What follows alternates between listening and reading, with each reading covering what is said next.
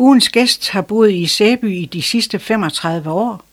Kirsten Trebak er egentlig født og opvokset i Aalborg, og Kirstens mor er opvokset i Frederikshavn, så tilknytningen til Vendsyssel er åbenlys. Kirsten har brugt den sidste tid på at efterforske sine rødder og har mange detaljer om sit ophav, og har mormor Sine og bedstefar Hans Peter Christensen, som arbejder på Løveapotek i Frederikshavn, med i sin spændende historie. Vi glæder os til at høre endnu en historie om slægtskab, historie og relationer til Røde Kors, Sæby og til Sæbygård Slot. Velkommen til dig, Kirsten Trebak. Tak skal du have. Du var lidt i tvivl, om du kunne komme i betragtning som gæst som ugens Vendelbo, da du kun har boet i Sæby i 35 år. Men det er jeg faktisk sikker på, at du kan. Du har lovet at føre os med ned i din erindringssti, hvor jeg øh, stopper op nogle forskellige steder, og vi dykker ned i dine forfædre, og det kan vi lige så godt starte med. Men først lige, hvis nogen synes, de har hørt navnet Kirsten Trebak, hvor kan det så være fra? Jamen, det kan man have hørt på mange måder. Øhm, ja, igennem mit arbejdsliv, der har jeg haft en bred kontakt til både øh, forældre og kommuner og så videre. Dengang jeg var ved PMU, og på Kvindedaghøjskolen, der var jo også rigtig mange kvinder. Der havde man et kursus et halv år ad gangen, og så kom der nye ind, så man kan nemt have mødt på mit navn. Men jeg tror ikke, øh, hvis man ser mig, så tror jeg ikke, der er så mange, der vil sige, når hende, Altså, jeg er ikke en af dem der, der er meget i gadebilledet eller på den måde. Hvis jeg nu beder dig om at beskrive dig som person, øh, hvordan vil du så karakterisere dig selv? Øh, jeg ser mig selv som et øh, åbent menneske, øh, men jeg har brug for, at jeg kan stole på de mennesker, jeg omgiver. Altså, jeg kan ikke, jeg kan ikke have den der falskhed. Øh, det betyder meget for mig øh, i min hverdag, at de mennesker, jeg omgives af, det er nogen, jeg 100% ved, at de vil mig. Og, og så noget af det værste, altså der får jeg det helt skidt, det er den der, hvis nogen de er lidt falske, og man ikke rigtig ved, hvor er de henne, øh, kan, man, kan man regne med det, de siger, kan man regne med det, de gør. Det er de to, øh, hvor jeg sådan synes, som menneske, så betyder det meget.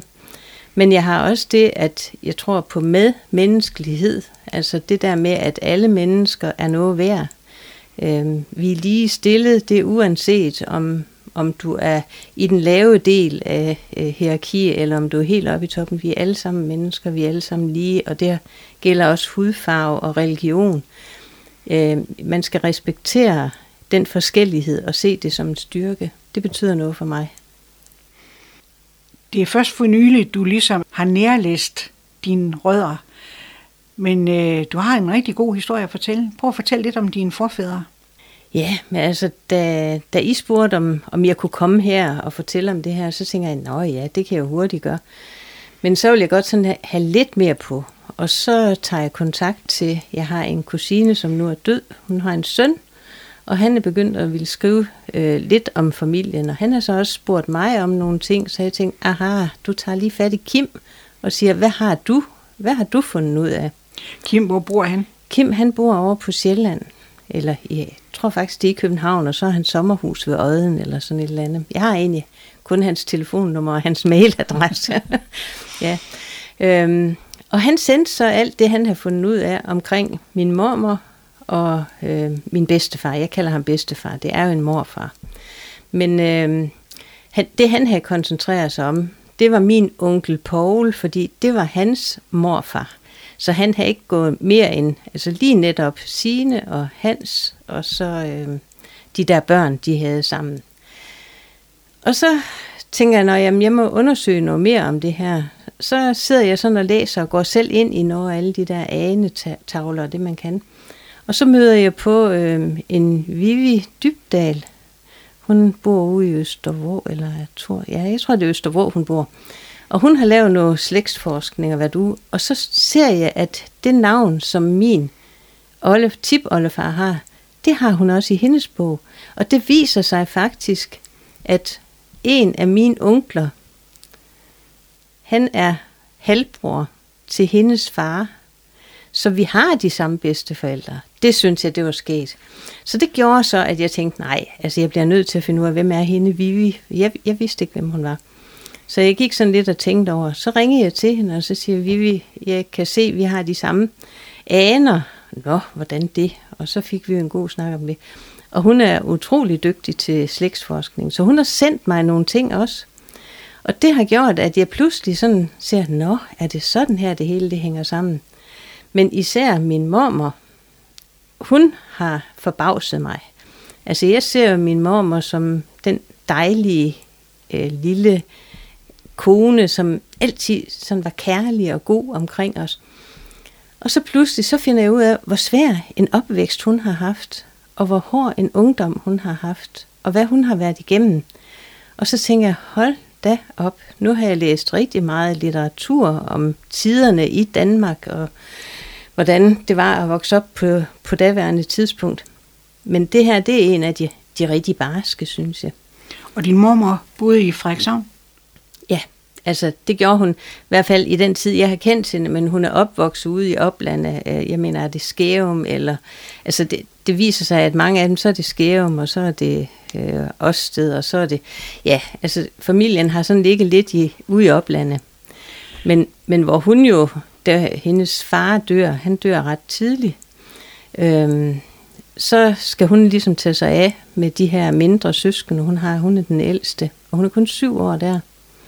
Og hun ender så også med at komme ud i huset hos en i Frederikshavn, da hun er ja, 16-17 år. Så skulle hun jo ud tjene penge for at hjælpe til at forsørge familien. Og der er jo, som øh, man siger, dengang der skulle man ikke spørge om, om øh, man skulle ikke give en accept på, at man ville være i sengen sammen med en mand. Der, der blev ikke spurgt om det. Det var det, man gjorde øh, for at beholde sin plads. Og der blev hun gravid, og der fik hun sit første barn. Og så skete det en gang til, også igen med en, øh, hvor man sådan siger, jamen, der er hun alligevel ikke, hun er ikke engang nået de 20 endnu. Og der har hun jo så fået to børn på den måde, og skal selv klare det, plus hun har sin mor og de mindre søskende. Og øhm, ja, sådan går det, til hun efterhånden har fået fem børn med fem forskellige mænd. Og det, det, det ryster mig, fordi det er noget, jeg aldrig får at vide. Altså jeg ved, at min bedstefar Hans, han er far til de sidste fem børn, hun fik. Altså det er jo det, vi altid har vidst.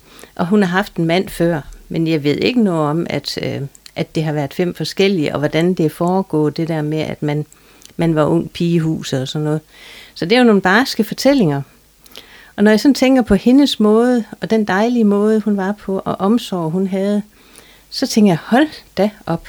Altså nu kan jeg ligesom forstå, at, at det havde hun jo brug for. Ikke? Pludselig så kommer Hans ind i billedet, og han tager sig af hende og de fem børn, som hun har. Og de får så fem børn mere, hvor er den ene, de får den første fødte, de får sammen. Hun dør så, da hun er fire år. Hun får difteritis. Altså, det er jo nogle forfærdelige ting. Og, og den historie i sig selv, at der sker så også noget med min mormor og min bedstefar, da den der pige, hun dør.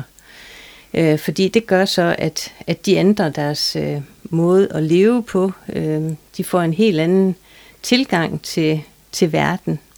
Og det er jo ved, at, at de går ind i, ja, ja det er ikke, jo, det er jo kristendommen også, altså fordi det er jo en mission. Og det, de kommer så til at skal starte pinsemissionen i Frederikshavn.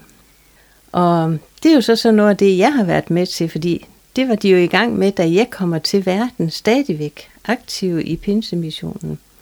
Og Hvad hedder din øh, mormor? Min mormor, hun hedder Sine med G, sagde hun selv, og det var hun meget fast besluttet på. Sine Amalie Christensen, det er hendes øh, fødenavn. Men jeg har hendes ståbsattest. Den ligger i min mors papir, og der står S-I-N-E. Og hun holder på, det gjorde hun allerede, det vidste vi godt. Det var præsten, der ikke havde gjort det ordentligt. Hun hed altid, og når hun sagde sit navn, Sine, G, det kom frem, og hun understregede det med G. Så det betød noget for hende. Hun ville ikke være en Sine, hun var en Sine. Ja. Så ja, det var da en pussy historie. Ja. Og det var dengang, man ikke bare fik børnepenge. Hvordan kunne hun dog klare sig alene med, med fem børn?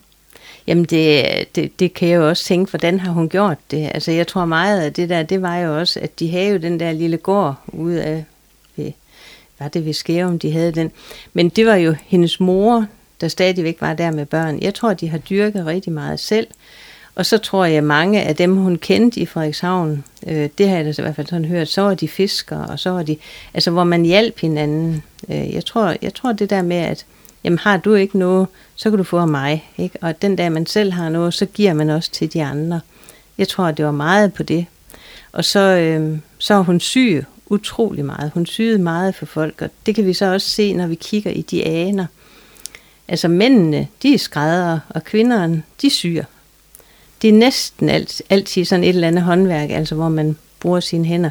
Og der tror jeg, hun har, hun har syet rigtig meget tøj øh, og laver om for folk og forsøgt at klare sig. Ja. Hvad med din øh, bedstefar, Hans Peter Christensen? Hvad var han for en mand?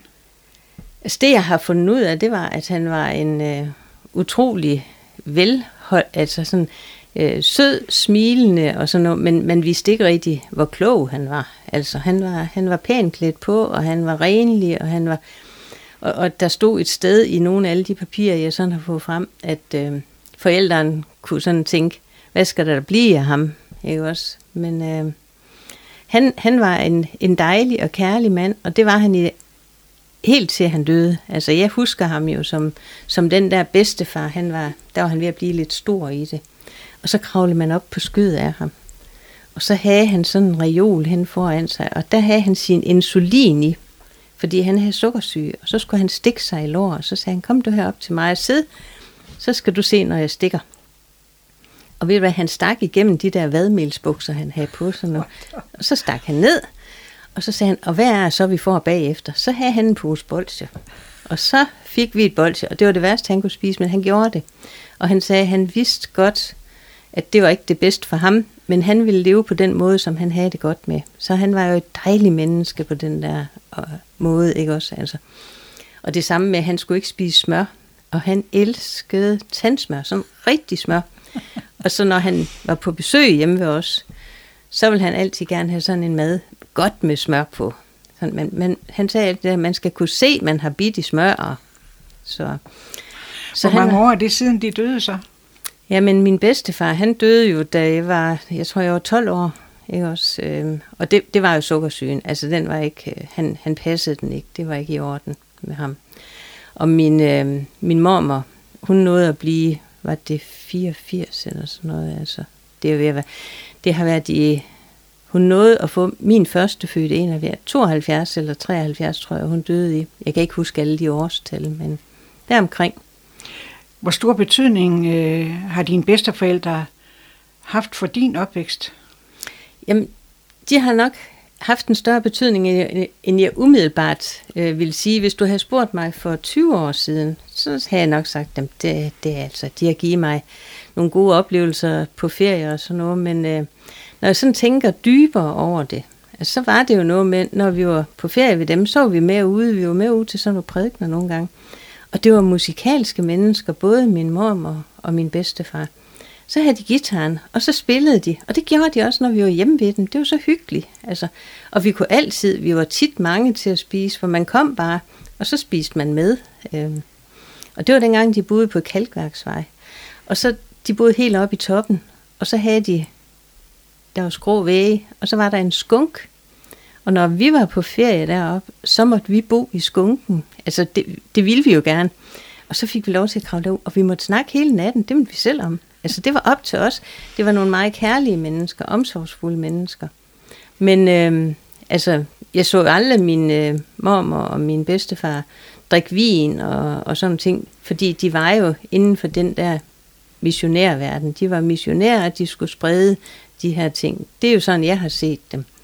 Og når de kom på besøg i Aalborg og besøgte os, så skulle vi også ned. Altså man kunne ikke, man kunne ikke være i Aalborg på ferie, uden også at gå ned. Så der var vi nede i Elim missionen hed det. det var, dengang var den nede i Søndergade.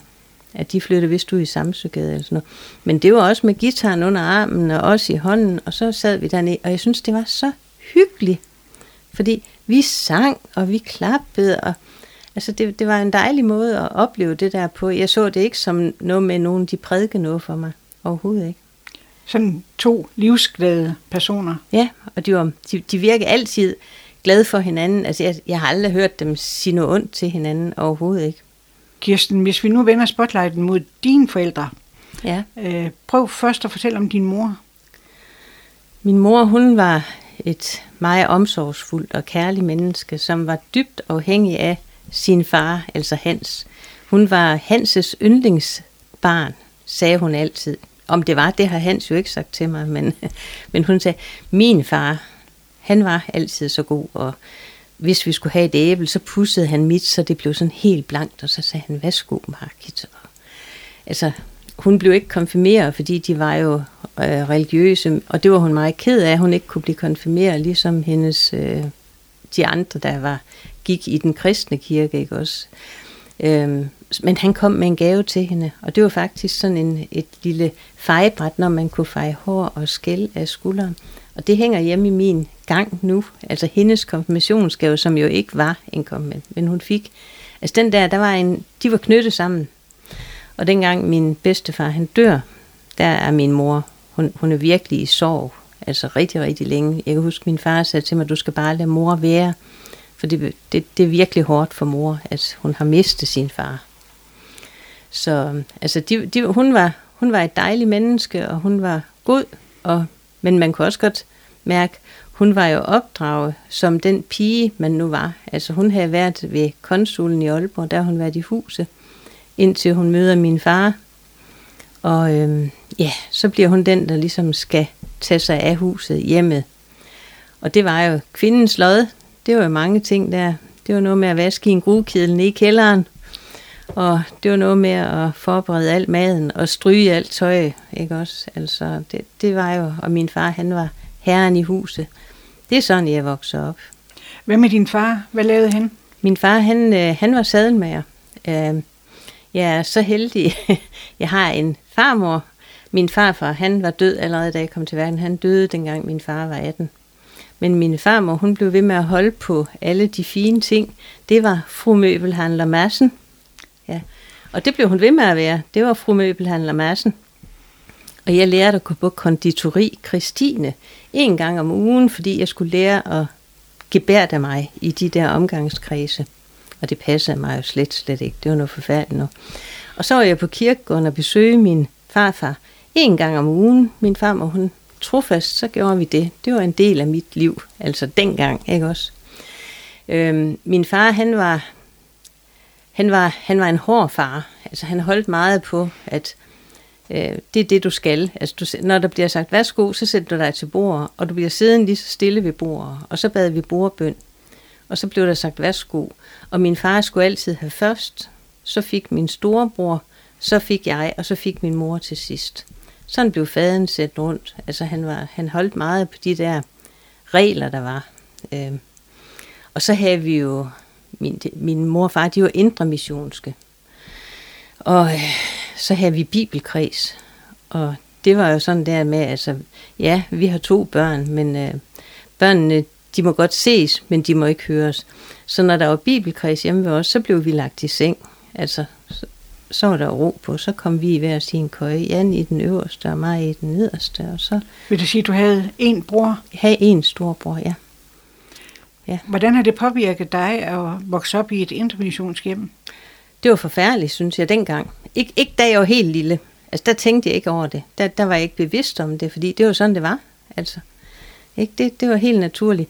Men da jeg sådan når i, ja, jeg ved ikke, om man kan sige teenageårene eller sådan noget, men der begynder jeg sådan at sige, det her, det er helt forkert. Det er ikke det, det, er ikke det jeg vil med mit liv. Det kan godt være, at de har levet sådan. Det er ikke sådan, det er ikke sådan jeg skal være.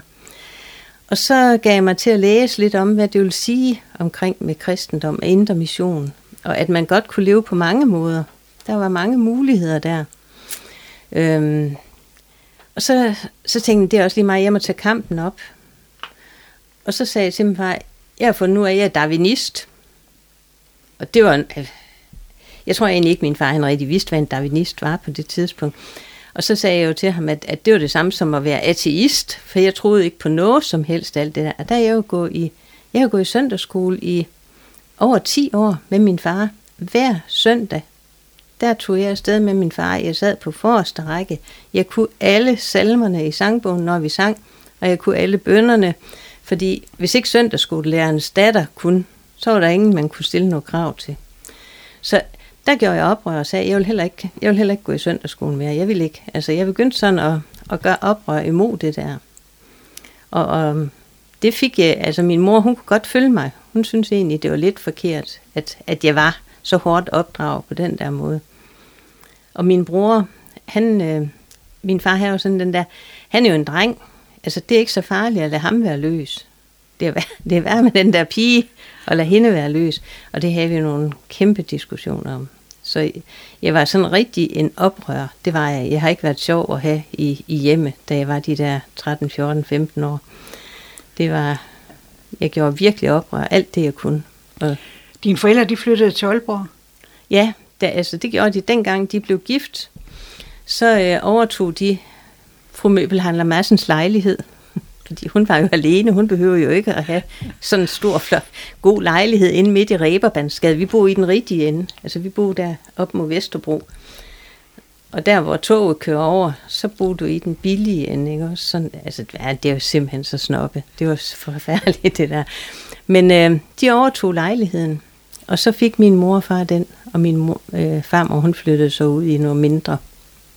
Og du blev født i Aalborg? Ja, jeg blev født der. Hvad er det vigtigste, du har kunne tage med dig fra dit barndomshjem? Jeg tror, det er ærlighed. Jeg, jeg, jeg har aldrig taget min mor eller far i og, og sådan lyve. Altså, de har altid sådan sagt til mig, man kan lige så godt sige tingene, som de er. Det har nogle konsekvenser, men, men sig tingene, som de er. Ikke? Altså, det får man det mest, det får man det bedste ud af. Det, det er en god ting at tage med sig. Du fortalte, du var i søndagsskolen. Ja. Hvordan foregik det? Jamen, øh, min far han vækkede mig om morgenen, og så, og så skulle vi ellers op på cyklen. Og så cyklede vi øh, søndagsskolen derude. Altså, vi boede i vores frelsesovn, når man boede der i Røverbandsgade. Så cyklede vi ud til øh, Rysgade skole, fordi det var der, man havde lokalerne til søndagsskolen. Og så, ja, så blev det sat op, der de forskellige ting. Vi havde sådan en lille næreduk, der sad og nikkede, når alle de her søndagsskolebørn, de kommer og putter en 10 øre, en 5 øre og 25 i. Og så blev der holdt, vi havde sådan en børnebibel, min far han læste op af, og så blev det læst op, og vi sang, og så var vi nede at lege i skolegården der på Rysgade skole, og så skulle vi op igen, og så bad vi en bøn og noget. Og så var vi på nogle ture, øh, ude ved Madum Sø og sådan noget, der tog de os samtidig med ud, øh, hvor vi så havde en bustur derud. Men det var simpelthen hver søndag, der var ikke... Øh, og så når klokken var 11, så kunne vi komme, så var vi cirka hjemme igen, min far og mig. Jeg tror, vi cyklede hjemmefra ved 9-tiden om morgenen, og så ud til skolen. Og din mor var ikke med? Nej, nej. Nej, nej hun, hun, havde ikke, altså, hun havde ikke noget med det der. Hun, hun deltog i arbejde med søndagsskolelærer, også i Indre Mission, når vi havde bibelkreds derhjemme. Men ikke, ikke selve undervisningen med børnene. Ved du, hvorfor de valgte Indre Mission frem for Pinsemission? Jeg tror, det er min, øh, fra min fars side af, altså den indre mission, hvor han ligesom, at det, det var da han kendte, en, han havde en omgangskreds. Han havde Pastor Poulsen og Pastor Gav og alle dem der, der kom i vores hjem. Og jeg tror, det har været det på en eller anden måde. Øh. Men der var også tid til at være spejder. Ja, og det var jo også igen KFUK. Altså, min mor, hun var meget aktiv ved KFUK ude i Aalborg. Og øhm, så blev jeg også, jeg kunne få lov til at blive spejder. Jeg var kun fem år, jeg var ikke ret stor. Min mor, hun syede sådan en speciel lille grøn uniform til mig. Fordi så kunne jeg også komme hen. Og det var Birte, der var, der var leder af den der spejderbevægelse derude. Øh, og jeg var så stolt, at jeg fik lov til det. Og Jan, han, altså min bror, han var FDF'er. Altså det var jo igen det kristne, det var inden for tabuer. Og det er jo det samme som indre mission også, ikke også? Taberbevægelsen, Elim-bevægelsen. Altså det er jo det er jo sådan et, et stort blande. Så øhm, jamen det, jeg elsker det der spejderliv, og ved du, det er jeg faktisk øh, give videre. Altså, jeg har nogle af børnebørnene, der også er spejder. Og jeg blev ved med at være spejder, indtil vi flyttede til Sæby. Øh, og hjalp os i starten, vi boede i Sæby øh, med tropspejderen, hvor vi lavede en 100 km tur, og der var noget lejre og sådan noget. Så jeg tror, at det der, man siger en gang spejder, altid spejder, Det er en, øh, det er en god ballast at have. Og for mig er det ligegyldigt, om du er grøn eller blå eller gul eller FDF. Altså spejderbevægelsen og tanken, der ligger bag, den er, den er fantastisk, synes jeg. Kirsten, du gik også i skole i Aalborg. Ja. Men som 10-årig, der fik du et kompliceret brud på din arm. Ja. Var du lidt vild? Ja, det var jeg faktisk. Altså, øh, jamen jeg var, jeg, var, jeg var nok mere en drengepige. Det var ikke så populært at sige dengang, men det var jeg. Det var jeg. Jeg kunne godt lide, at der skete noget. Dengang, der havde vi jo en masse lege øh, på gaden, og vi havde det der med, at vi legede krig, for eksempel. Og så løb vi op. Vi havde nede i gården, der havde man sådan nogle øh, rum, hvor man havde cykler og skrald og sådan noget. Og der løb jeg op. Jeg var aldrig bange for at hoppe op på sådan et tag og løbe hen over det og hoppe ned i den næste gård og sådan noget. Men jeg havde også øh, det der med skøjter, når der var... Det, det der, hvor, øh, hvor Kunstmuseet ligger i dag, Skovdalen. Der var jo altid skøjtebane ude i Aalborg. Og så gik man igennem kirkegården fra Røvbensgade op igennem kirkegården, og så skulle man ud og løbe på skøjter. Og øh, vi havde fået fjernsyn dengang.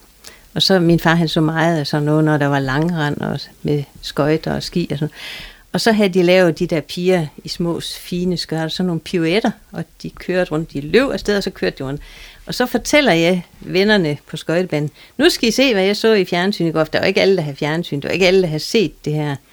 Og så strøg jeg jo afsted, og så lavede jeg en pirouette nok så flot, og så væltede jeg om kul.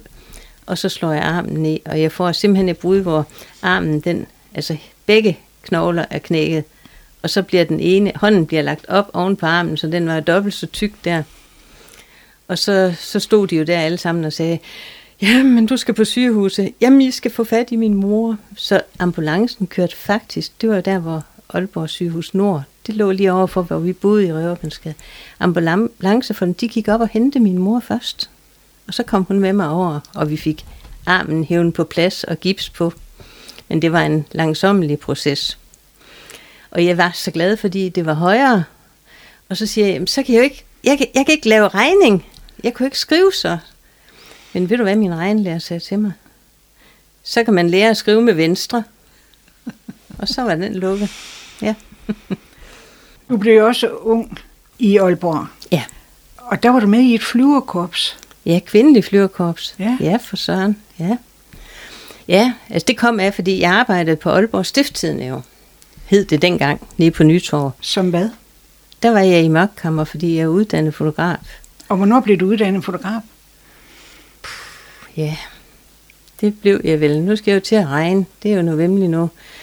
Det har nok været i 68. Ja, 68 tror jeg, jeg var færdig. Var det pressefotograf, eller hvilken Nej, uddannelse nej. var det? Nej, jeg, blev, øh, jeg kom i lære ved øh, Aalborg Luftfoto, Jørgen Jensens foto, nede på Boulevarden. Og, og det var rigtig, det var rigtig fint. Det var super dejligt, og jeg lærte alt øh, med teknik dengang. Om, det var jo håndarbejde. Det er jo ikke som i dag. Og, og da jeg så var færdiguddannet, så blev de enige om, at de ville lukke den afdeling, de her, og så ville de kun have øh, luftfotograferingen ude i Aalborg Lufthavn. Så de, der kunne jeg ikke blive. Øh, og så søgte jeg ned på Centralmørkkammer på Aalborg Stifttidene. Og så kunne jeg altid tage, jeg kunne altid tage et billede af en person, hvis der kom nogen. Men det var ikke som pressefotograf. Altså, dengang der havde de jo pressefotografer. Vi havde fem der på, på daværende tidspunkt, da jeg var der. Og vi var to i Centralmørkkammer, Sonja og mig. og øhm, hvad var det så, du spurgte om egentlig? Hvorfor kom Ja, vi det var ind på det? flyverkorps. Det var flyverkop. Ja, så var der en elektriker tilknyttet øh, Aalborg Stifttidene. Og så jeg havde det der med, at når jeg, når jeg sådan gik rundt og lavede noget, så, så slog jeg altid sådan, nogle af alle de der ting, jeg havde lært, for jeg har jo lært utroligt, jeg jo også spillet i tamborkorpset ved Spejderen. Så sagde han, øh, du lyder som om, du kan lide at spille tromme, sagde Mogens der. Så siger jeg, ja, jamen jeg har gjort det siden jeg var seks år, sagde han. Så det, det er helt, jeg er helt pjattet. Giv mig et par trommestikker, og så, så går det løs. Og så sagde han, ved du hvad, min kone, hun spiller ude i kvindelig flyverkorps ude på flyvestationen. Var det ikke noget for dig at komme med derud? Så kunne hun komme forbi og hente dig. Jo, sagde han, det må han godt. Så det gjorde hun så. Og så, øh, så kom jeg i gang med at spille i kvindelig flyverkorps. Ja, Mens du boede i Aalborg, ja, så havde du dine bedsteforældre i Frederikshavn. ja. Og der kom du tit på ferie. Rigtig tit, og weekender og sådan noget, ja. Hvordan husker du Frederikshavn fra dengang?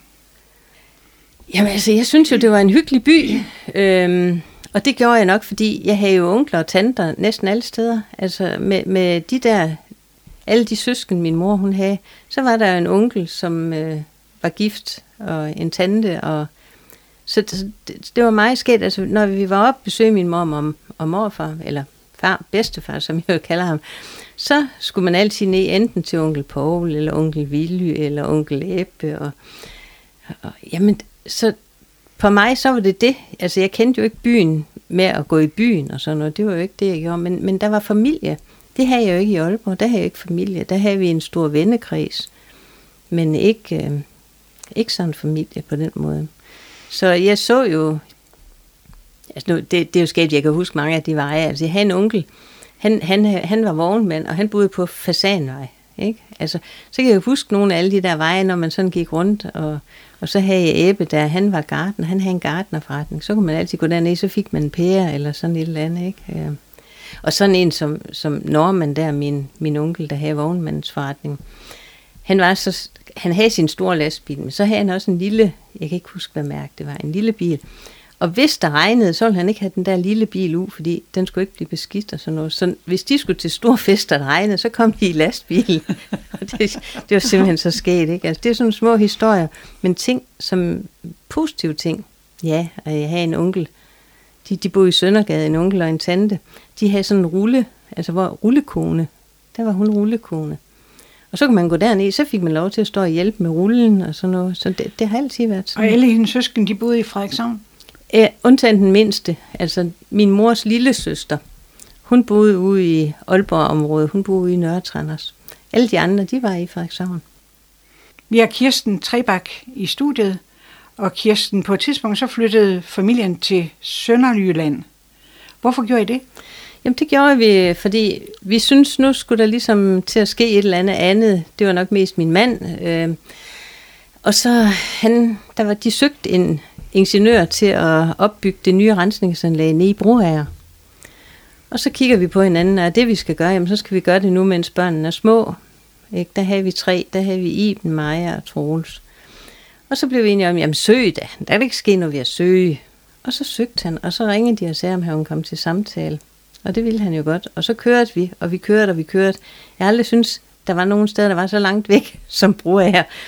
Og nu har vi jo ellers haft både mine svigerforældre og mine forældre tæt på. Men øh, det var spændende, og han sagde jo selvfølgelig ja til det. Det er jo en kæmpe udfordring for ham at få lov til at være med til at bygge sådan noget op. Så der flyttede vi ned med, med de her tre børn og fik den fjerde dernede. Ja. Hvordan træffede du din mænd? Det gjorde jeg ved, at jeg havde været på arbejde på Aalborg Stifttidene. Og så når man lavede søndagsavis, det var jo lørdag aften, så, øhm, så var vi nogle stykker, der sådan sagde, skal vi lige ud og have en øl sammen, eller hygge os lidt? Fordi nu er søndagsavisen færdig, den var gået i trykken. Og han var håndboldspiller, og han, øh, han har været ude, og de her, jeg tror, de var lige kommet ind i, var det i 3. division? De var i hvert fald kommet højt op. De har, de har spillet en god kamp. Og en af dem, jeg arbejdede med på Aalborg Stifttidene, hun var også håndboldspiller. Så da vi kommer ind på det der værtshus, og skal sidde og hygge os efter det, der er vi 10-11 tiden eller sådan noget. Så siger hun hej til de der, der sidder derovre. Og der sidder han. Og, ja, og der er ikke altså på nogen måde, øh, vi, vi, vi hilser på hinanden alle sammen. Men øh, jeg skal også til hjem, og det skal han også. Og så, hvor bor du? Jamen, jeg boede der, og han boede der. Jamen, det var nogenlunde samme vej. Så vi tage en taxa sammen. Men der var ingen taxa at få. Så blev vi enige om, så kunne vi lige så godt gå. Og så gik vi, og vi snakkede, og vi snakkede, og vi snakkede. Og det var bare så dejligt og så hyggeligt. Og det, der blev opbygget et eller andet, altså hvor man sådan ligesom langsomt finder ud af, hold da op en person, ikke også? Altså hvor man har et eller andet sammen med. Så det var den måde. Det, det var ikke den der... Ja, nej, det gjorde det ikke. Det var ikke den store forelskelse med det samme. Altså det var et, øh, et dejligt menneske. Det tror jeg, det var for begge sider, at vi synes, spændende menneske, dejligt menneske, en man øh, godt kunne have noget sammen med. Og, og det kunne være venskab, eller det kunne være, ikke? Altså på, på daværende tidspunkt, der tror jeg ikke, at, at der var nogen af os, der sådan tænkte den vej. Det kom først lige, lige så stille hen ad vejen. ja. Og hvor blev I gift? Jamen, vi blev gift på Rådhuset ude i Aalborg. Ja. Du er uddannet fotograf, Ja. men du har også øh, arbejdet som vikar på aflastningshjem Ja. for fysisk og psykisk handicappede børn. Ja. Hvad har det egentlig med foto at gøre? Overhovedet intet. nej, nej, det der egentlig er, det er jo, da vi kommer til Sønderjylland, der beslutter jeg mig for, at nu vil jeg gå hjemme. Øhm, vi havde tre børn, og der vidste vi jo ikke, at der ville komme en fjerde, men det, der gik ikke så lang tid, så, så var den også på vej, ikke også? Men hvor jeg sådan siger, nu skal vi passe de her, eller jeg vil gerne prøve at passe de her børn. Min mand, han tjente nok til, at øh, jeg behøver ikke at arbejde. Og så er der en, det er igennem spejderen, hun siger til mig, ved, øh, altså hun var jo røntgenfotograf, eller radiograf. Så siger hun, vi mangler samtidig en uge på sygehuset til at tage billeder, sådan en klinisk fotograf. Kunne du være sådan en tilkaldevagt til det? Ja, men jeg kunne da tage ud og snakke med dem og sådan noget. Og så blev jeg tilkaldevagt derude på Sønderborg sygehus. Og Men det var ikke ryggenbilleder, du Nej, nej, nej. Ja, altså, jeg fremkaldte alle de der røntgenbilleder. Ja. Det laver man jo i hånden dengang. Det er jo Ja. ikke digitalt på computer. Det, det blev håndarbejde, hvor vi stod og fremkaldte røntgenbilleder. Men klinisk fotograf, det var jo det der med, at altså, hvis en skulle brystopereres eller noget, så kunne man tage et billede, hvordan brystet så ud inden operationen og efter operationen. Det samme med ører, hvis du havde stridører, hvordan så det ud, og hvordan så det ud efter. Så på den måde, så, så var man klinisk fotograf. Og det, øh, det synes jeg, det var spændende. Men jeg mødte jo en masse mennesker, øh, syge mennesker også, og mennesker, der fik ændret deres tilværelse ved nogle af de ting, vi lavede. Og det gjorde egentlig, at jeg kom lidt mere, øh, hvor jeg siger, jeg tror egentlig, jeg skal arbejde sammen med, altså omkring nogle mennesker, gør noget for nogen, vær noget for nogen. Og så søgte de en derude på det der Randbjerg hjemme, øh, til at have nogle vagter. Og så tænkte jeg, jamen, det, altså, det, det, jeg kan da prøve at sådan lige tage en snak med dem. Og det var utrolig spændende. Øhm, de der mennesker, de, de, er så, de er så taknemmelige og så kærlige og så omsorgsfulde, øhm, hvor man synes, der kan du altså simpelthen bare give så meget og få så meget igen. Og hvor jeg sådan tænkte, så er den vej, jeg skal til at gå. Altså en ting er fotograf, men jeg gider ikke at være, øhm, hvad skal man sige, festfotograf. Sådan en, der render til konfirmationer og bryllupper og sådan noget. Det lærte jeg i min, dengang jeg blev oplært. Det var noget forfærdeligt nu, altså at skulle, skulle lave de der ting, ikke? Men, men øh, ja, det, det var sådan starten på, at jeg egentlig gerne ville. Jeg havde jo med spejderbevægelsen at gøre, det var også mennesker, jeg arbejdede med, ikke også? Øh, jeg spillede i, i Brug af Brandværnsorkester, eller jeg underviste faktisk øh, alt slagtøj i Brandværnsorkester. Og, og det er også mennesker, du har med at gøre der, hvor man udvikler. Så jeg tænkte, når, når nu du sådan senere hen skal til at i gang og virke med noget, så tror jeg, det skal være noget med mennesker. Og det viser sig også, at det bliver sådan. Øh, Men i 1988, så flytter I til Sæby. Hvad var årsagen til det? Ja, det var jo sådan, at Sæby, de skulle have et nyt rensningsanlæg. ja, og så, øh, da min mand han ser den stilling, nu er han jo færdig med den Broager. Så siger han, ja, det kunne jo være spændende, og desuden, så kommer vi tæt på vores forældre. Altså, min morfar levede, og hans morfar levede, og det var ude i Aalborg, de levede. Og så, så synes vi faktisk, at det ville nok være fint øh, at flytte derop. Og der var vores børn, ah, de siger selv, hvis man snakker med børnene, de synes, det var lidt barsk, fordi den mindste, hun gik i anden klasse, og den anden i 5. klasse, og 8. klasse, og så 2G, så det, det kan være en svær, det kan være svært at flytte børn, når de går. Men altså, det er jo nogle ting, man skal sige, jamen, vil vi blive her, eller vil vi ikke? Så det var egentlig derfor, det var igen øh, arbejde, der gjorde, jamen så, så rykker vi teltpælene op. Og der blev du ansat på en øh, kvindehøjskole. Kvindedaghøjskolen, ja. Kvindedaghøjskole. Ja, Hvor lå den henne? den lå nede i Pindborggade. Så, og, og der, øh, det var sådan nogle halvårskurser, eller man havde i fem måneder, og så en måned fri, hvor, og så tog man nyt kursus ind. Og det var især for kvinder, som ligesom ikke var kommet ind på arbejdsmarkedet, eller var kommet ud af arbejdsmarkedet, og så ikke kommet ind igen. Øh, hvor man sådan forsøgte at skabe noget indhold i tilværelsen. Ja, og det, det var rigtig godt og rigtig spændende, og det var alle lag i samfundet, der kom der. Altså det var ikke kun, øh, hvad skal man sige, dem, dem der ikke havde en hel masse. Det var, det var både, han har sagt, direktørfruen og og rengøringsdamen, ikke også? Altså hvis man sådan sætter inspektor ind. Det var hele vejen igennem. Og det var meget, meget givende. Og Hvad underviste du i? Jamen, jeg underviste i, øh, altså især dengang, der var EDB, det var noget helt nyt. Så det var sådan noget med, at man kunne sidde ved computeren og lære og, og skrive, og sådan noget med noget tekstbehandling. Det var en af de ting, som jeg egentlig havde sat mig rimelig godt ind i. Jeg var med fra, fra starten af, og havde haft nogle kurser og sådan noget. Men så havde jeg også blomsterbinding, og jeg havde syning. Øh, Jeg har altid godt kunne lide at være kreativ selv, har syet børnenes tøj og sådan noget. Ja. Så, og så havde vi morgensang hver morgen, og så havde vi morgengymnastik, og, hvor vi var ude at gå, og det var også mit job at ligesom sørge for det.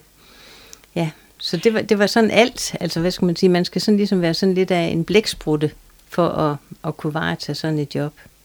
Men du, øh, du havde lidt kriller, fordi du, du kom også til at undervise i Østerbro. Du, du kunne ikke rigtig finde plads et bestemt sted. Nej, men det var jo så igen, det, det var så, min mand han var jo ansat via kommunen øh, med det rensningsanlæg.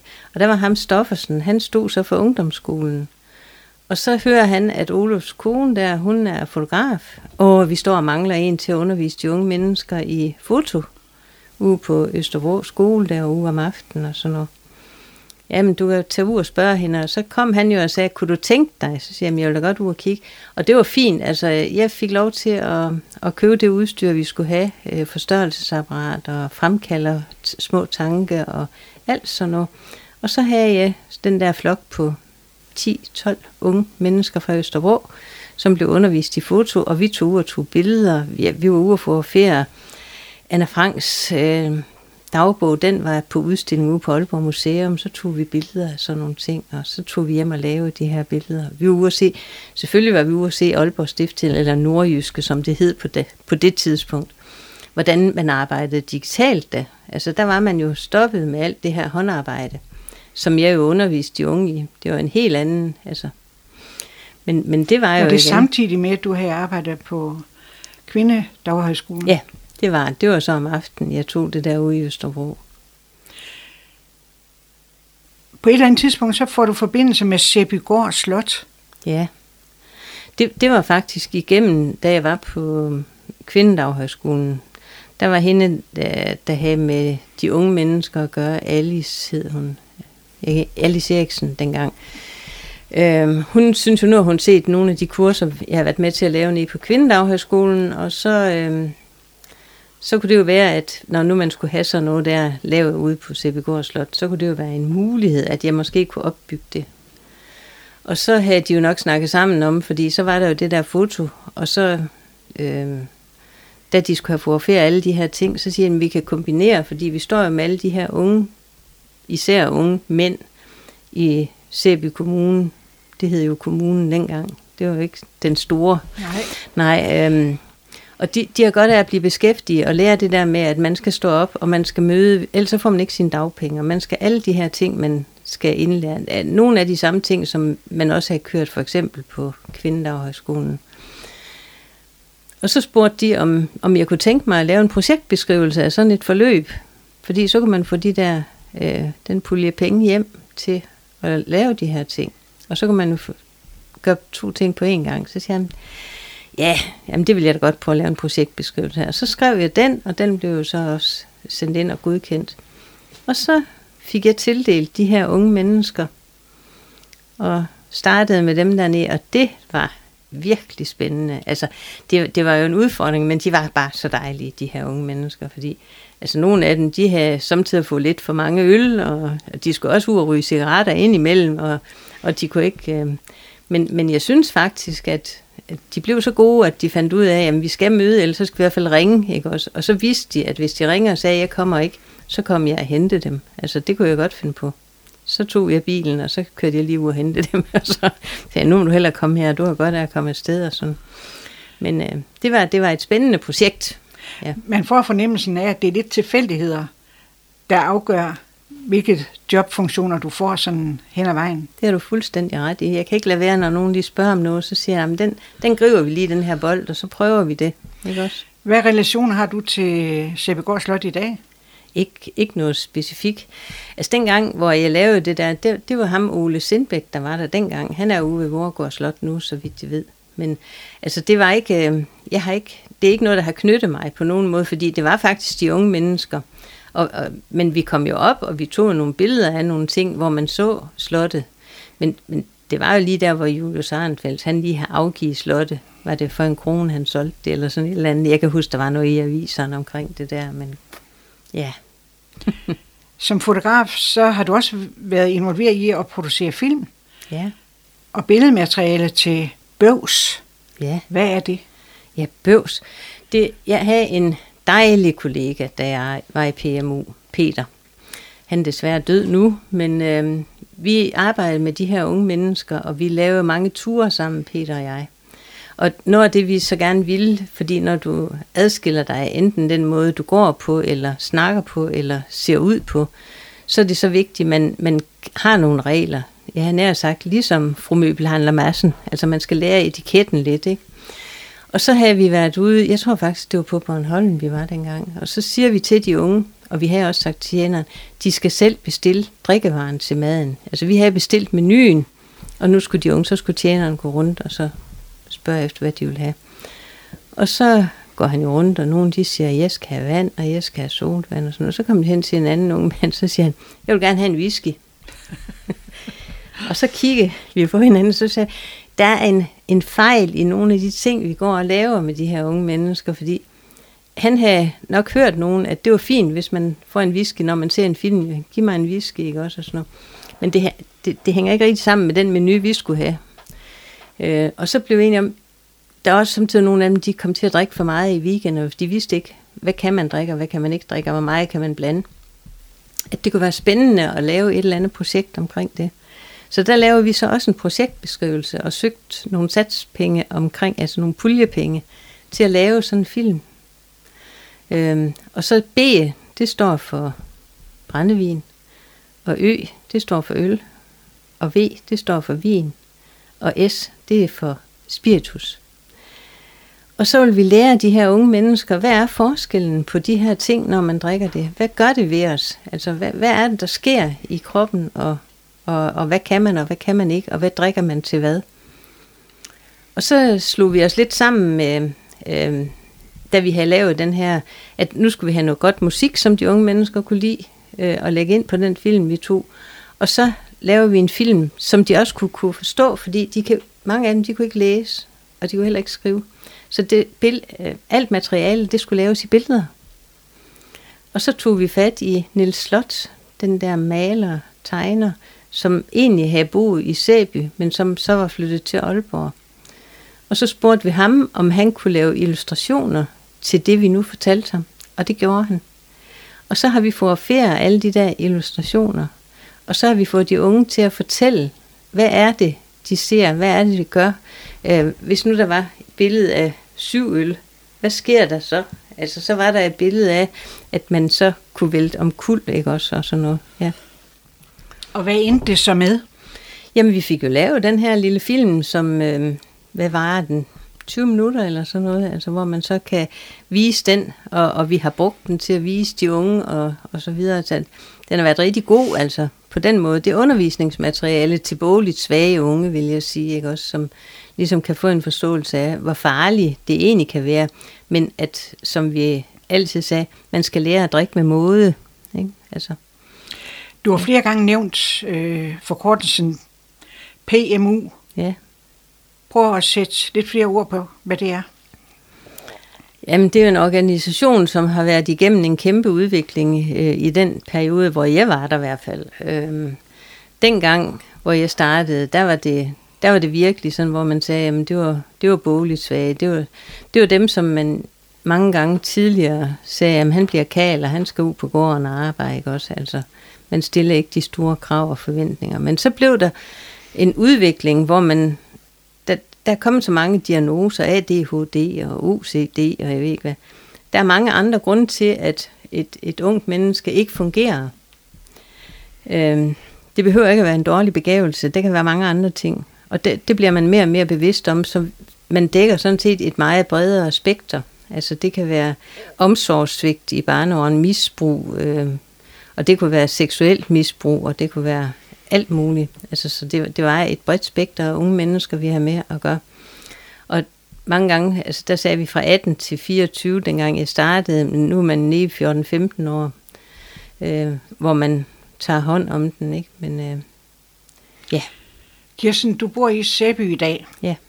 Øh, hvad er det, Sæby har, der gør, at du har boet der i over 35 år? Sæby har luft omkring sig. øhm, vi bor så dejligt tæt, altså vi bor 700 meter fra vandet, og vi har skoven næsten lige bag ved os. Øhm, øhm, der er en, jeg synes, når man er i den alder, jeg er i i dag, så er der utrolig mange gode tilbud. Øhm, altså ældresagen laver, borgerforeningen laver, Øhm, Handelsstandsforeningen laver noget. Jamen, der er hele tiden aktivitet. Øh, på den måde, så er det en god by, øh, hvor man har muligheder for, hvis man vil. Altså, det er op til en selv. Man behøver ikke at, at bare sådan sidde og sige, der sker ingenting. Men spørger du vores børn, som alle sammen nu bor andre steder, der er ikke nogen af dem, der bor i Sæby, de kom ikke efter de har studeret, så er de ikke kommet tilbage, fordi der mangler noget kulturelt. Og det tror jeg, det er rigtigt. Altså hvis man ser på de unge mennesker, der er ikke noget teater, der er ikke øh, noget biograf. Så, altså man skal bevæge sig. Du skal køre til Frederikshavn for at komme i biografen. Der er en kanonbiograf deroppe nu, ikke også? Men der er ikke alle de der tilbud, øh, som de er vant til i de studiebyer, de nu har været i, når de har læst i København og Aarhus og Aalborg. Der ligger det jo lige om hjørnet hele tiden jeg synes jo, det er dejligt, at vi har det der med, så er der et tilbud, det kan vi læse i CB Folkebladet, du kan gå i Manesien, så kan du følge med i det. Der er rigtig mange ting, og du kan også tage til Frederikshavn. Jeg bruger rigtig meget af nogle af de ting, der sker i Frederikshavn. Øhm, der har lige været det der hold hjernen frisk, hvor man så skal ud og gå, og så får man også noget viden. Det er jo fantastisk, at så, så møder man nogle nye mennesker, og så får man noget mere viden puttet i, og sådan noget, ikke også? Så det er jo et utrolig godt sted, og så er det samtidig med, det er, jeg synes, der er ro. Altså, jeg, hvis jeg er i København, når jeg har været der i en uge, der er uro altid. Der er altid enten sirener eller noget andet. Der er altid uro. Og her, der er ro. Altså, du, du kan sætte dig ned og bare nyde roen og, og vandet og skvulten og fuglen, der fløjter, ikke også? Det er bare så dejligt. Så. Sæbe er jo en del af Frederikshavn Kommune, og hvordan synes du, kommunen varetager de øh, interesser, du står for? Er der noget, du synes, at kommunen skulle sætte lidt mere på? Nej, jeg synes faktisk, at øh, jeg synes, øh, vores kommune heroppe, jeg synes, de gør rigtig, rigtig mange ting og, og skaber en masse muligheder. Det, der kan være svært, synes jeg, det er at komme rundt i området. Altså, dengang jeg arbejdede, og det, den tid, hvor jeg var ude på det, vi havde Lyngsågård, og så nedlægger man pludselig nogle busruter, hvor man ikke kæmper nok for, fordi hvordan skulle man få de unge mennesker derud og sådan noget, ikke også? Øh, og, og der synes jeg, at vi har svært ved at komme rundt. Du skal kunne, du kan ikke tage offentlig transport. Det kan du i København med 10 minutters interval, ikke også? Men det, det er noget af det, vi mangler, men jeg ved ikke, om det er kommunen som sådan. Det er vel hele strukturen, man skal ind og have fat i. Hele regionen på en eller anden måde, fordi der tror jeg nok, vi er glemt lidt heroppe. Så, men så længe du har din egen lille bil, som du kan gå ud og starte, og du kan køre, og der er jo så det der med sin egen lille bil. Nu har vi sådan en, hvor vi skal putte noget el på, og der, der er langt imellem, ja, nu begynder det så at komme, men øh, der er langt imellem de der standere, hvor man kan få øh, noget strøm på sin bil, og det tror jeg, det er vigtigt, man også kigger lidt på. Altså, hvad kan vi gøre der? Men jeg synes også, turistmæssigt, man forsøger Altså, se den havn, vi har fået nede i Sæby, ikke også? Øh, hvis man ser op omkring Frederikshavn, der er jo også alle de der vægemalerier, der er i Frederikshavn. Der er noget at se på, når man går rundt i byen. Det, det, og, og der er en livlig havneaktivitet i Frederikshavn også. Og så må jeg nok indrømme, at sådan noget som Skagen, der kommer jeg ikke ret meget. Altså, det, det, det kan jeg, ikke, jeg kan ikke snakke så meget om Skagen. Jeg har været deroppe flere gange, men altså, udviklingen som sådan, den har jeg ikke... Øh, den følger jeg ikke på samme måde. Kirsten, vi skal også lige nå at snakke lidt om, at du også er frivillig i Røde Kors. Ja. Hvorfor er du det? Jamen det var dengang jeg stoppede på arbejdsmarkedet. Der synes jeg ligesom, at jeg vil gerne give noget til, nogle andre. Altså ligesom jeg har haft med spejderbevægelsen, og da også børn var aktive inden for de forskellige håndbold og fodbold, at jeg ville godt et eller andet, hvis det var. Og så fik vi en del flygtninge til kommunen på det tidspunkt. Og hvor man sådan skriver rundt omkring i aviserne, at vi vil egentlig gerne have nogen, som vil gøre noget for det her. Og der kunne jeg se mig selv, altså, og så spurgte jeg min mand, øh, er det noget, vi som familie kan gå ind i sammen? Altså lave. Og han, det ville han også, øh, altså vi har det menneskesyn, at hvis vi kan gøre noget for dem, der kommer, det vil vi være lykkelige for, hvis vi kom pludselig et eller andet sted hen.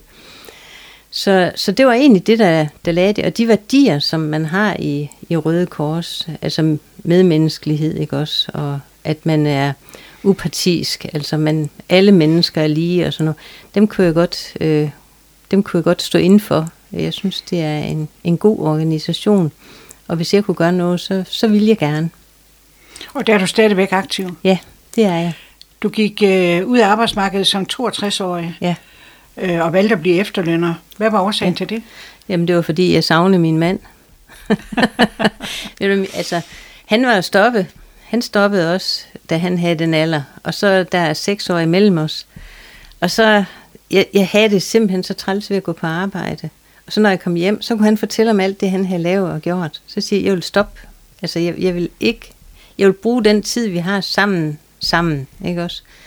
Så det var egentlig det, der gjorde, at, øh, at så skulle vi til at gøre nogle andre ting sammen. Altså børnene var fløjen fra redden, ikke også? Og der var mange ting. Så det var det, det, var det der trak. Hvad er din vildeste oplevelse i forbindelse med, med dit arbejde med Røde Kors? Jamen, jeg synes jo, den sidste tur her, hvor, hvor jeg nu var afsted, hvor vi var i Kenya, øhm, det var barsk at, at se det slumområde nede i Nairobi, og se, hvor, hvor jamen det var, det var frygteligt at, at se, hvordan nogle af dem de levede, ikke også? Øh, så tæt sammen og så massivt. Og der havde jo for nogle år siden, der var jo en frygtelig brand i lige netop det slumkvarter, vi var i. Hvor de, de kan ikke komme nogen steder, de brænder bare inde, ikke også, når det er. Og de har ingen toiletter, de har ingen kloakker, de har ingenting. Og så går man ind, øh, det danske Røde Kors, i samarbejde med Kenyansk Røde Kors, og siger, hvis vi kan gøre et eller andet, vi kan begynde at redde nogen ud af det her slum, så skal vi gøre det. Og det, det var sådan nogle af de, vi skulle ind og se, hvad de penge der, hvordan de var brugt. Og der havde man så få fat i, man ville fokusere især på unge mænd i det slumkvarter. Og der havde man så fået de der unge mænd til at sidde, og det de gjorde dernede, det var, at de havde købt, for nogle af de penge, de nu har fået, der havde de købt brætspil. De havde ludo, de havde skak, de havde, jamen, de havde mange forskellige spil. Og så sad de og spillede og hyggede sig sammen. De havde noget samvær sammen. Og ellers så levede de jo altså på narko og alt muligt andet. Men de her, de mødtes så der, og så spillede de. Og så var der en, der havde taget over på og var lederen. Mr. Red Cross kaldte han sig. Når så de var færdige med at spille, når de har spillet den team, de nu spillede i, så tog de en snak om, hvorfor tabte du, og hvorfor vandt du? Altså i de spil, de nu havde været. Og det var fordi, de havde lavet nogle specielle træk. De havde tænkt sig om, at det har en, hvis du laver det her træk, så har det en konsekvens for dig i spillet. Du vinder eller du taber. Så hvis man laver en masse dårlige træk, så tabte man. Og så forklarede de dem, det er det samme, der sker i samfundet. Hvis du laver et forkert træk, hvis du begynder at sælge narko, eller tage narko, eller bruge kniv, eller bruge så har du et forkert træk, og det ender med, så ender du derhen. Men derimod, hvis du begynder at se, om du kan dyrke noget, så de dyrker nogle grøntsager, de dyrker nogle ting, og får det solgt, så du får reelle ting, så du laver et positivt træk. Det ender med, at du kommer ud af det, du kommer andet sted hen. Det var fantastisk. Altså se, se de der unge mennesker, jeg har nogle billeder af dem, ikke også? Nu må man desværre ikke vise alle de billeder på grund af det der GDPR, men det er helt utroligt, hvordan det rykker. Og det er der, man, man kan sige, hvis bare man får en ung ud af det slum, det er en, og du vil ikke kunne se den ene, men det kan være, at det kunne brede sig, så kommer der flere, så kommer der flere, så kommer der flere, ikke også? Så man får øh, den der negative spiral, det egentlig er med det slum, at man søger derud, fordi man tror, at der er den rigtige verden, og så ender de, altså de tror, at storbyen, det, det er livet, og det er det bare ikke. Det, det er noget så forfærdeligt. Så det er barsk. Øh, det, det vil jeg nok sige, det var en af de rigtig barske. Men det havde jeg også, altså vi var ude i et område øh, i Kilifi, Malindi, hvor vi, øh, der, var man, der har man også brugt penge i samarbejde med Kenyansk Røde Kors, hvor man skulle begynde at hjælpe på de der ikke smitsomme sygdomme. Det er sådan noget som diabetes og hjertekarsygdomme og og man får også alle de her ting sat i gang, og man kan måle, at du har for højt blodtryk, og du har diabetes. Men spørgsmålet er jo behandlingen, fordi de har ingen penge. De får et måltid mad om dagen. De, har ikke, øh, de, kan ikke lave deres, de kan ikke lave kostændringer om, fordi de kan ingenting. Medicinen, den skal transporteres ekstremt langt, og det kan ikke sådan lige blive. Og de kan ikke selv, de er så syge, de kan ikke gå hen og hente det nogen steder. Vel? Altså, der er bare så mange små ting, som stadigvæk men der kan man også være heldig måske at lige få fat i en, som man så får hjulpet. Ikke? Men, men, men det er, der er lys forude, jeg synes, og de, de er jo så positive, altså de er jo så taknemmelige øh, for den hjælp, og det vi har, det man gør, det man giver dem. Det er fantastisk. Kirsten, på et tidspunkt, så tager du motorcykelkørekort. Ja. Og køber dig en motorcykel. Ja. Jeg skal lige høre, var det en form for um, oprør imod dine forældre? Eller er det noget, du også har i dag? Nej, det var da oprør imod min mand. Han havde en stor, dejlig Honda, og så kunne jeg sidde bagpå. og jeg kunne ikke køre, jeg kunne slet ikke køre den der Honda. Det var sådan 850 eller sådan noget. Det er alt for stor. Men altså, jeg havde heller ikke kørekortet. Og så er det jo sådan, at, at når vi derhjemme, når der er sådan nogle ting, så siger jeg, at det er simpelthen også, jeg gider simpelthen ikke at sidde bag. Men du kan bare tage kørekort. Det gør jeg så. Så tog jeg fat i køreskolen, så siger jeg, at jeg skal have sådan et kort der. Og det fik jeg så også. Og det var fint. Og så havde vores søn, øh, han havde så sådan en Virago, øh, 250 kubik. Det var en lille maskine, og han skulle til at have en stor maskine. Så sagde vi, den vil vi gerne have hjem til os. Det skal være min lille, og den står hjemme i garagen, og den kan køre endnu. Den er, den er, øh, den, først så blev den øh, i forsikringsselskab, så blev den klassik, som man siger. Og nu er den, øh, hvad hedder det, når den bliver Veteran. Nu er den veteran. Ja, det er helt vildt. Gammel maskine. Du har fire børn. Ja. Og ni børnebørn. Ja. Hvordan holder I sammen på tropperne? Det er jo mange. Ja. Jamen altså, det vi, det vi egentlig gør, det er, at alle ulige år, der mødes vi i påsken og i julen, og det er hos os. Vi bestemmer selv, om det skal være hjemme i Sæby i huset, eller om det skal være nede i vores sommerhus. Men der kommer de alle sammen, så der er vi 19. Det er rigtig dejligt. Øh, så det, det er jo fint. Altså, vi kan være, at de har deres gamle værelser endnu, dem har vi ikke sådan lavet om på. Så, så kan de rykke derned med deres familie. Og nu her i påsken, da de var der, nu er de ved at være så store, de store børnebørn, så de gider altså ikke ligge på samme værelse som forældrene, vel? Så slog vi telte op ude i haven, så invaderer de de der telte, så sov de i telte. så, og nu kommer de jo så til jul alle sammen igen. Så. Hvor meget betyder familien for dig? Den betyder rigtig meget, men jeg behøver ikke at være sammen med dem hele tiden. Altså slet, slet ikke. Det er vi jo heller ikke. Altså, men nu har jeg for eksempel i København, øh, dem ser vi ikke så tit. Altså, det gør man jo ikke. Altså, de arbejder, og, de, og børnene, de læser og sådan noget. Altså børnebørnene. Øh, men så havde jeg i barnebarn her, Hjalte. Han ringede her forleden dag, så siger han, bedste, kunne jeg lige komme og få et par dage inden sommerferie her, fordi den 14. så skal jeg jo starte i skole igen. Og så siger jeg, jamen det synes jeg da, det kunne være rigtig hyggeligt. Jamen det er fordi, jeg har jo besøgt dem op i Nordsjælland. Det er hans bedsteforældre til den anden side. Så de, og, og jeg vil jo ikke gøre forskel. Nej, siger jeg, det synes jeg, det er fint. Så du kommer bare. Så han kommer på lørdag. Og så bliver han nok til onsdag. Men så er det sjovt, fordi så er der sådan nogle andre børnebørn, der har hørt om det. Nu snakkede jeg med en i går, han bor i Horsens. Så siger jeg, ej, så skal jeg se, om jeg kan få fri fra arbejde. Så kommer jeg også bedste. Og så, så nu, nu kan det være, at der kommer fire børnebørn lige pludselig af de store. ja. Du kalder dig selv for en livsnyder. Ja. Hvad mener du med det? Jeg mener, at øh, hver dag, så skal man stå op, og så skal man kigge på sig selv, og den man er sammen med, eller dem man er sammen med, og hvordan kan vi få det bedste ud af den her dag. Altså, det, min mand og jeg, vi siger til hinanden næsten hver morgen, hvad har du tænkt dig, hvad vil du i dag? Og så tager vi den derfra. Altså, det, vi lader dagen og vejen beslutte, hvad har du det godt med i dag? Hvad, hvad vil betyde noget for dig? Ikke også? Øh, og det, det er for mig en livsnyder. Det der med, at jeg kan sætte mig ned og, og så sige, jeg gider ikke noget som helst, og jeg vil bare læse en bog. Og det er der ikke nogen, der kimser af. Det er kun godt.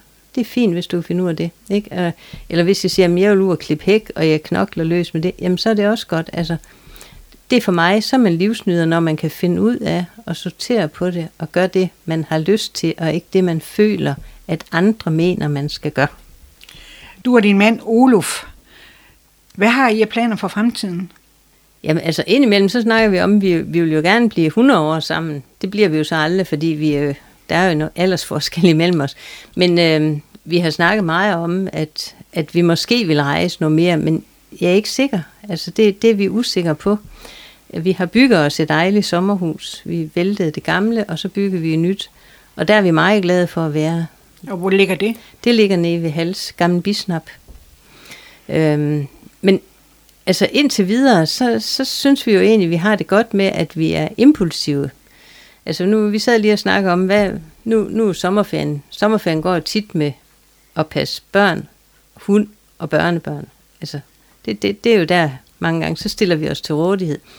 At så tror vi nok, så vil vi pakke bilen, så vil vi køre til Hartsen, og så gå rundt dernede. Altså, men, men det er igen hver beslutter, og vi ved det ikke. Altså, og fremtiden, jamen man aner jo ikke. Altså jeg synes, når man når den alder, vi har nu, og man ser, at flere af vores venner og omgangskreds, pludselig så falder nogle af dem bort, de er væk. Og hvor jeg sådan tænker, jamen så skal man ikke, altså man skal ikke gå og, og, og stræbe efter og ville en hel masse andet, man skal bare gøre det, når man har, nu er det nu, så gør man det. Hvis du tænker tilbage, hvad har så betydet allermest for dig i dit liv? Jeg tror, det har, at jeg mødte min mand. det tror jeg faktisk.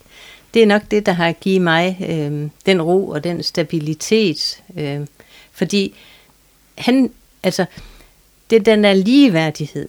Der er, ikke, der er ikke de ting, som jeg tidligere har mødt, altså med, at du er kvinde, og, og jeg er mand, og altså, altså det, det er den der, som jeg siger, medmenneskelighed. Vi er lige, vi er lige, og det er vi i alle hen. Og det betyder altså utrolig meget, at man kan slappe af og være i sig selv, og være den, man er. Man behøver ikke at gøre sig til et eller andet andet. Og det, det tror jeg, det, det betyder rigtig meget. Og med denne lidt romantiske afslutning, så vil jeg gerne sige tak til dig, Kirsten Trebak. Tak for din historie, og jeg synes, det har været rigtig, rigtig spændende at være en flue på væggen i dit liv, og du skal have tak, fordi du kom. Selv tak, og tak fordi du vil høre på mig. Udsendelsen her var tilrettelagt og produceret af Gitte Hansen for FCMR.